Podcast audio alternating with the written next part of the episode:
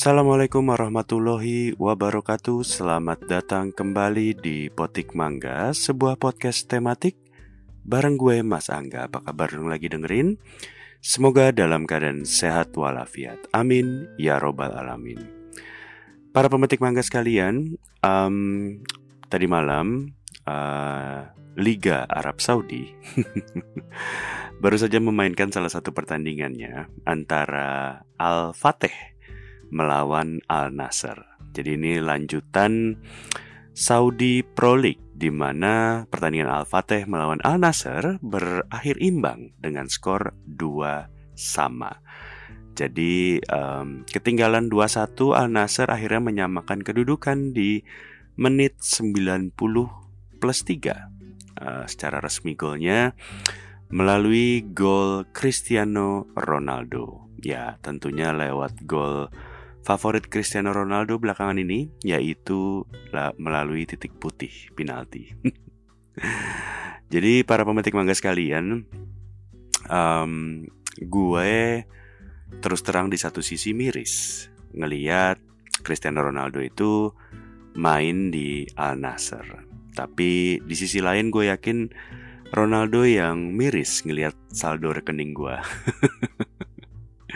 Karena gue jujur gak pernah membayangkan seorang Cristiano Ronaldo akan main di Liga Arab Saudi, di Saudi Pro League, di sebuah klub Al Nassr. Bahkan setelah adegan um, kemarin ribut-ribut sama MU, sama Ten Hag, setelah kontroversi wawancara sama Piers Morgan akhirnya diputus kontrak secara mutual agreement sama MU dan kemudian pengangguran tanpa klub pas Piala Dunia 2022 kemarin.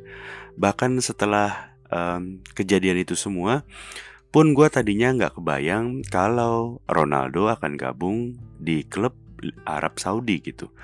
Gini maksud gue, pada saat um, Ronaldo itu balik ke MU dan ketika Ronaldo berantem sama Ten Hag, terus kemudian ngambek dan seterusnya dan seterusnya, um, gue ngelihat Ronaldo itu kayak orang uh, lagi post power syndrome. Artinya Ronaldo itu kan seorang superstar, seorang legenda sepak bola gitu yang mungkin lagi menuju senjakala.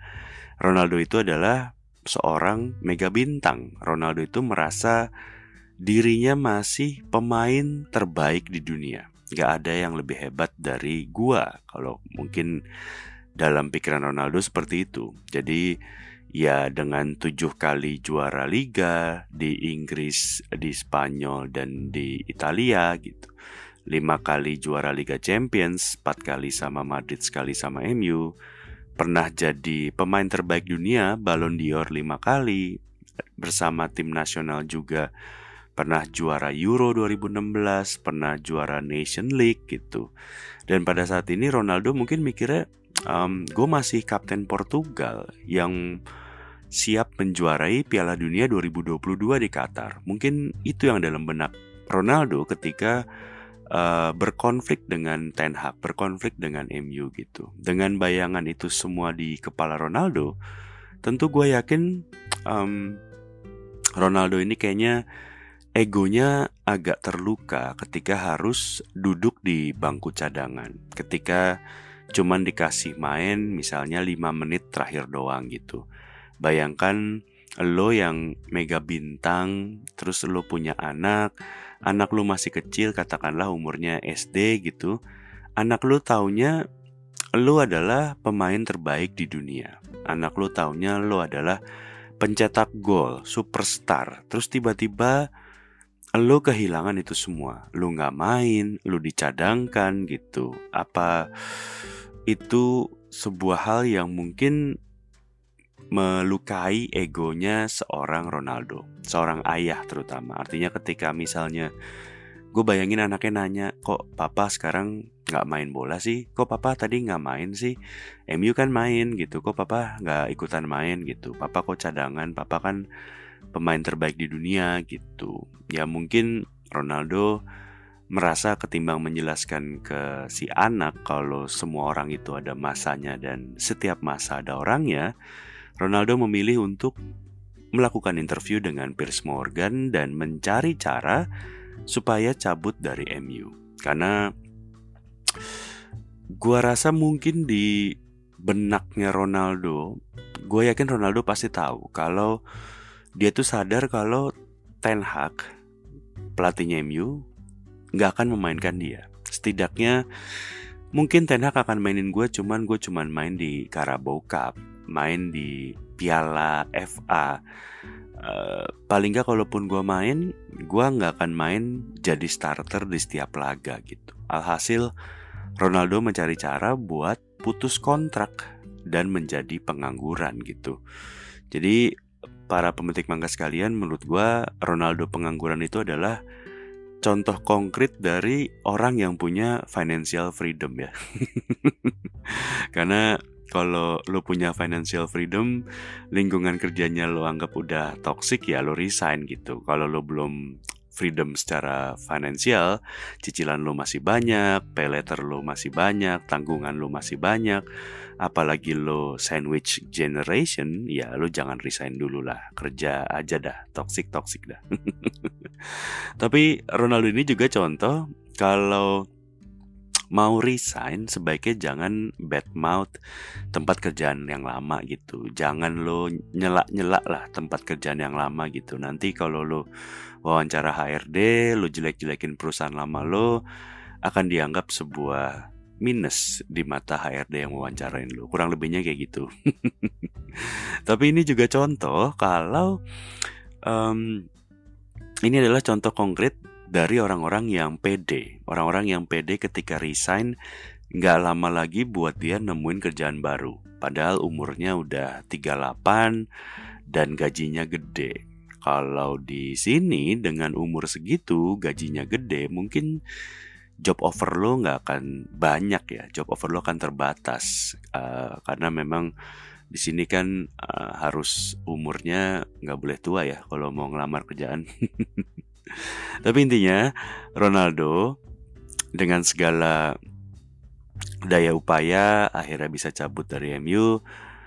Gua nggak nyangka akhirnya Ronaldo beneran memilih untuk bergabung di Al Nassr di sebuah klub di Liga Saudi Pro gitu. Maksud gue dalam bayangan gue saat itu dalam apa ya uh, Ronaldo dengan ego segede gitu dengan perasaan masih ingin membuktikan diri kalau gue ini adalah pemain hebat, gue adalah pemain terbaik di dunia, pengen cabut dari MU tuh gue pikir dia setidaknya akan main di Liga Champions. Uh, maksud gue gini, dia akan memilih klub yang akan bermain di Liga Champions. Gue tadinya mikir kalau buat Ronaldo tuh yang penting pada saat itu adalah putus kontrak aja gitu sama MU supaya gue bisa main di klub mana aja yang gue mau gitu. Artinya uh, putus kontrak itu kan kalau Ronaldo masih terikat kontrak sama MU, maka dia harus hormatin kontrak dia sama MU. Mau mau MU mainin dia, Ten Hag mainin dia apa enggak kan duit tetap dapat ya karena dia adalah pemain yang terikat dalam sebuah kontrak.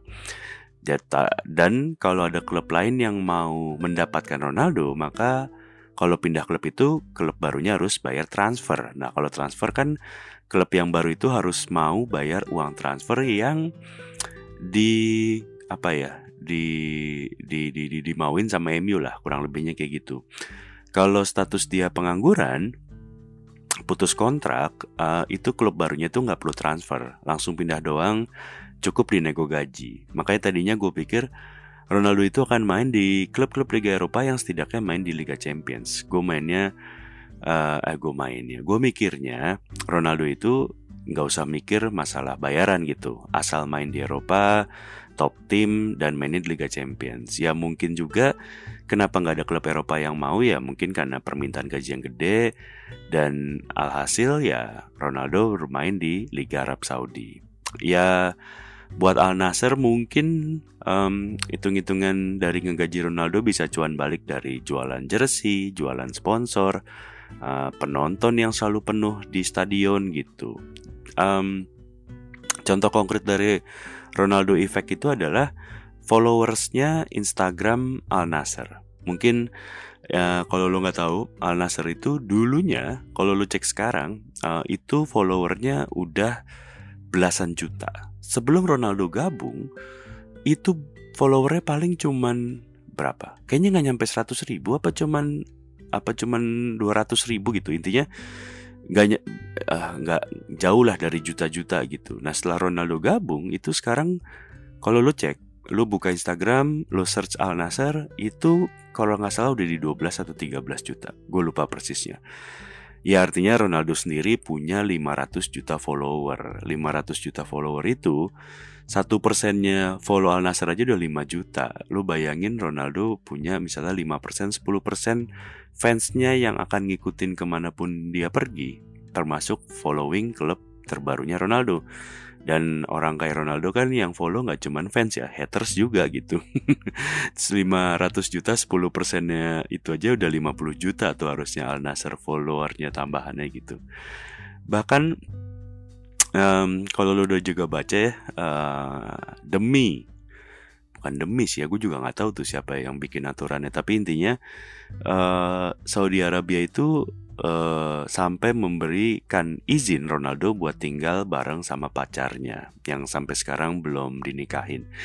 Jadi ya mungkin apakah karena Ronaldo apa ya hitungannya punya privilege tertentu tapi intinya Saudi Arabia itu tidak membolehkan orang yang belum menikah pasangan tinggal bersama. Tapi demi Ronaldo kayaknya ada pengecualian kurang lebihnya kayak gitu. Tapi gini um, um, buat lo yang suka bola ngikutin bola dari zaman dulu umurnya mirip-mirip sama gua alias sudah tua lo akan nyadar satu hal kalau sekarang ini uh, nyaris nggak ada pemain uh, pemain bola yang legend gitu ya atau superstar di klubnya yang bertahan di satu klub doang selama bertahun-tahun. Udah nggak ada modelan kayak apa Francesco Totti. Kalau di MU itu ada uh, Gary Neville, uh, Paul Scholes, Ryan Giggs gitu yang mulai dari klub itu dari junior kemudian masuk profesional, uh, debut senior sampai akhirnya pensiun di klub yang sama. Kalau sekarang ini um, koreksi gue kalau gue salah tapi setahu gue satu-satunya pemain yang top level yang masuk kategori ini one man club dari junior sampai sekarang menuju pensiun itu kayaknya tinggal uh, Thomas Muller pemain dari Jerman yang klubnya Bayern Munchen tapi sisanya nggak ada Lionel Messi bahkan gue pikir akan pensiun di Barcelona pindah pula ke Paris Saint Germain tapi ya intinya Emang sekarang nggak ada kayaknya yang pensiun di klub yang papan atas gitu. Kayak misalnya contohnya dulu uh, Zinedine Zidane pindah beberapa klub tapi pensiunnya di Real Madrid gitu.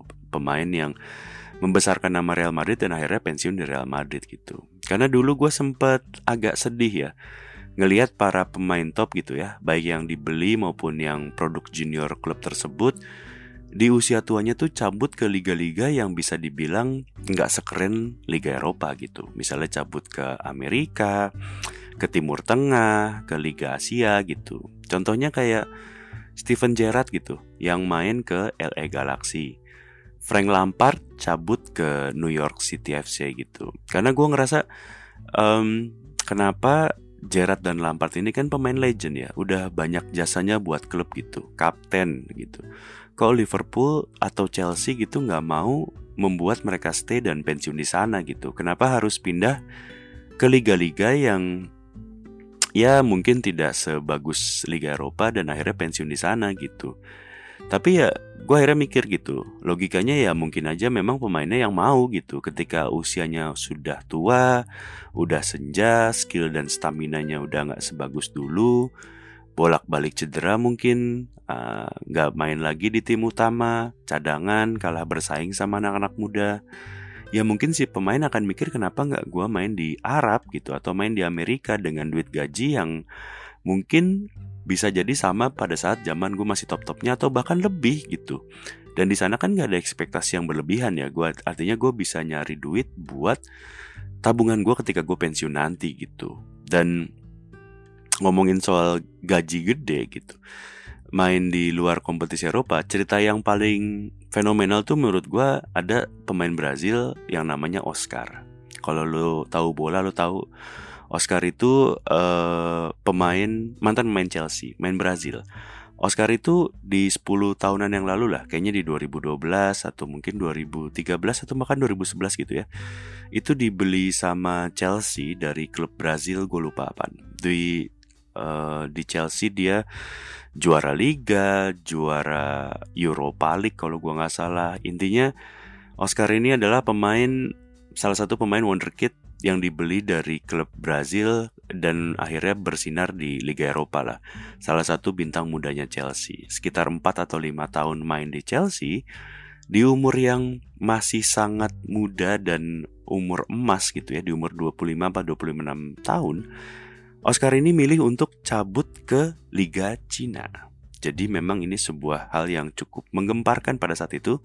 Karena biasanya kayak tadi kayak Ronaldo atau beberapa pemain tadi yang gue sebut kayak Steven Gerrard Atau misalnya Perang Lampard Atau misalnya um, Andres Iniesta, Fernando Torres Atau ya banyak lah. Mereka itu biasanya baru pindah ke liga-liga yang agak miring-miring itu setelah usianya di atas 30 tahun. Di umur 35 tahun, 36 tahun, 37 tahun. Oscar itu pindah ke Liga Cina di umur 25-26 tahun.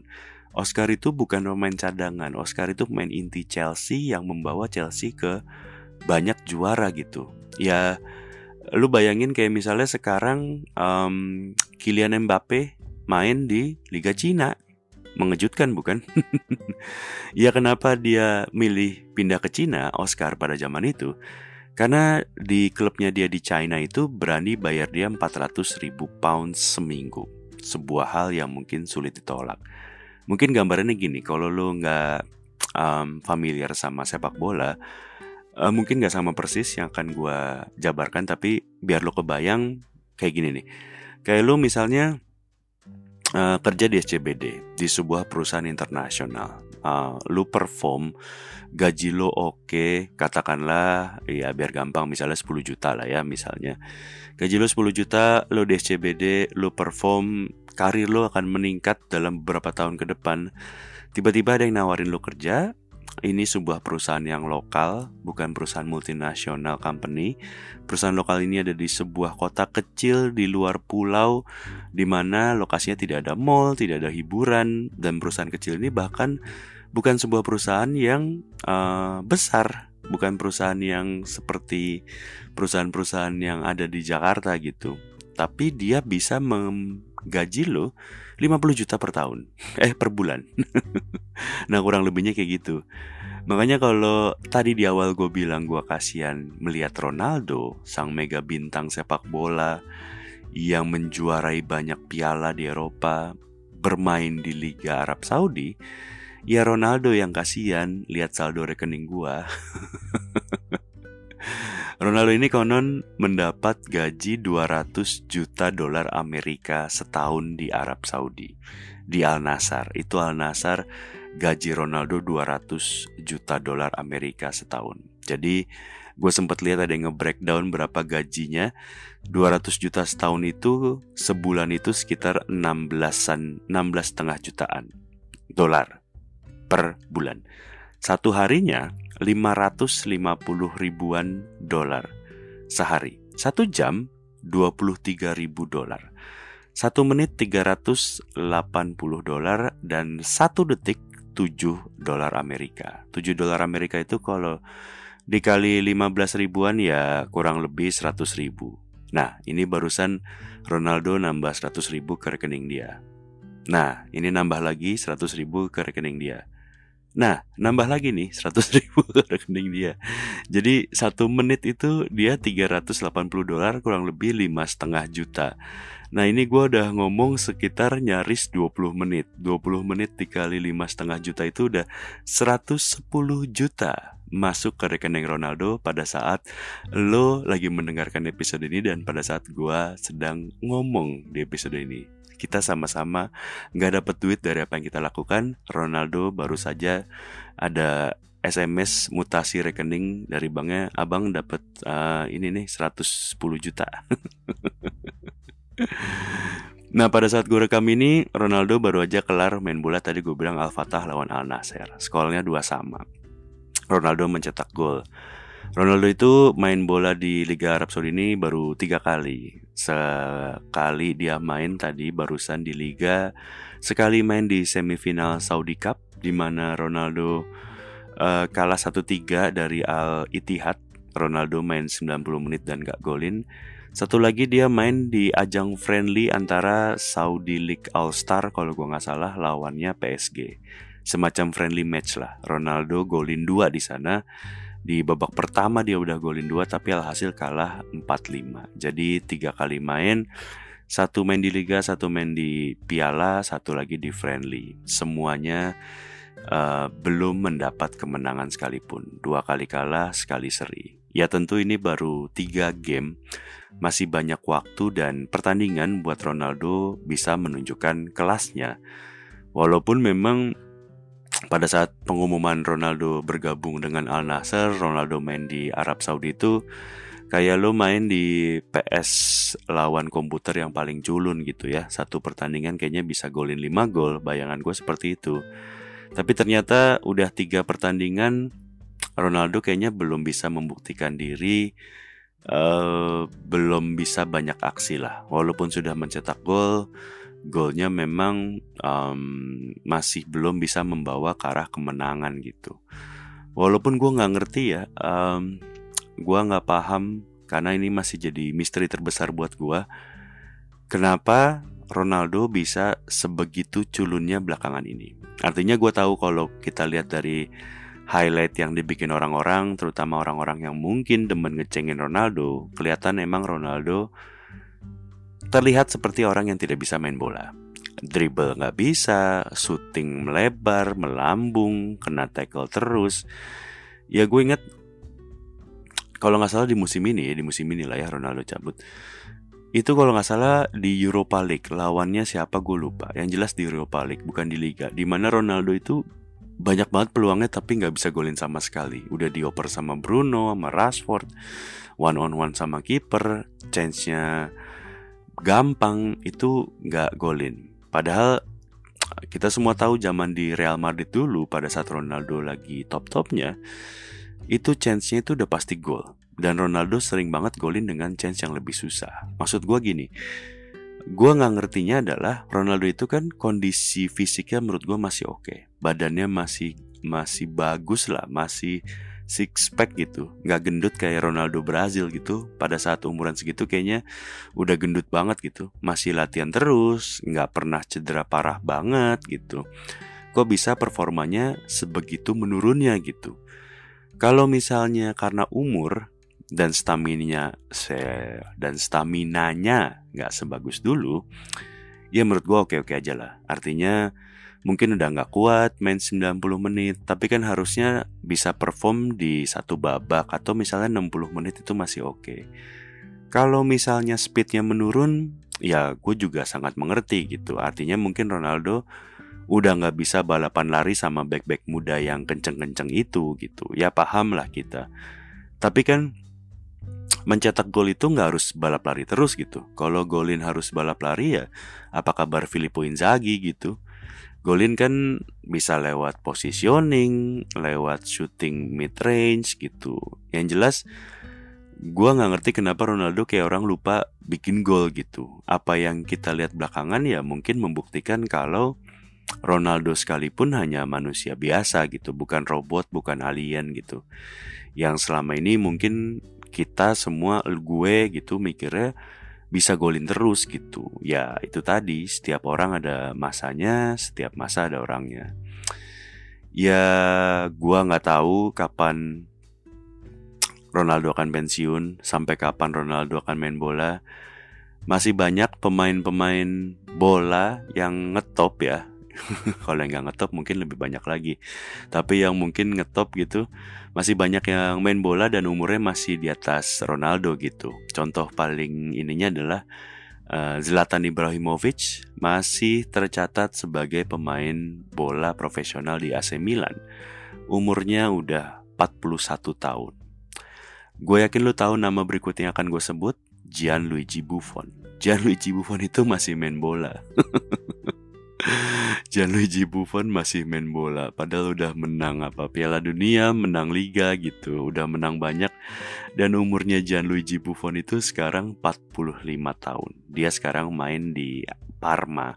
Parma itu adalah klub pertamanya dia, klub dia dari junior sampai akhirnya dia uh, dilihat orang jago dan pindah ke Juventus pada zaman itu konon sih dia pengen mengabdi lah kurang lebihnya ke klub awalnya dia. Dan kayaknya yang kemarin gue sempat lihat juga dia nggak reguler jadi pemain inti sih. Mungkin lebih ke arah apa ya mungkin ya membantu mengembangkan junior juniornya lah kurang lebih. Dan kalau pemain bola yang lumayan ngetop masih main bola ada striker Jepang namanya Kazuyoshi Miura. Baru aja di musim transfer musim dingin ini pindah ke klub uh, Portugal tapi divisi 2-nya, bukan divisi utamanya. Dan dia masih main bola sampai sekarang. Umurnya Kazuyoshi Miura itu 55 tahun. Kalau di sini udah umur pensiun PNS ya.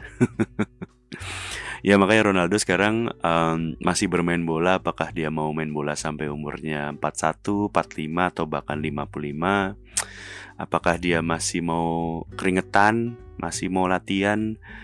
Uh, udah gitu mungkin pas main di tackle sama back yang umurnya nggak sampai setengahnya dia gitu umur-umur 17 tahun 18 tahun. Ya nggak tahu lah. Apakah Al Nasser menjadi klub terakhir Ronaldo dan akan pensiun di sana, ya pilihan masing-masing tentunya. Hanya Ronaldo yang tahu, tergantung egonya, tergantung kemampuannya, tergantung kemauannya. Ya siapa tahu Ronaldo tetap melakukan sepak bola karena ya anaknya kan ada lima ya butuh duit buat uang sekolah, jajan anak, beli mixue, jajan lato-lato mungkin alhasil ya main bola terus gitu. Dan besok 5 Februari Cristiano Ronaldo akan ulang tahun. Umurnya 38 tahun.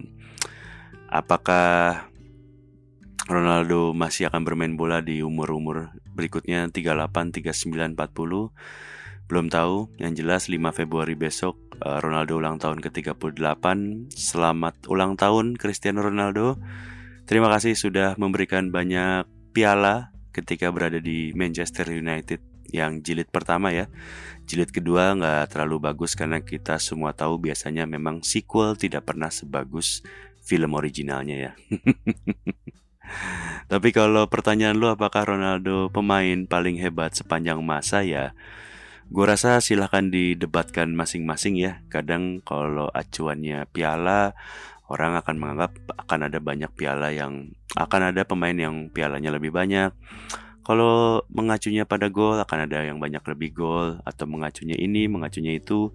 Menurut gua sih pemain itu tidak bisa dibandingkan satu dengan yang lain ya. Silahkan didebatkan masing-masing fans masing-masing lah. Yang jelas gue bersyukur hidup di mana era di mana ya, barusan gue ngomong apa.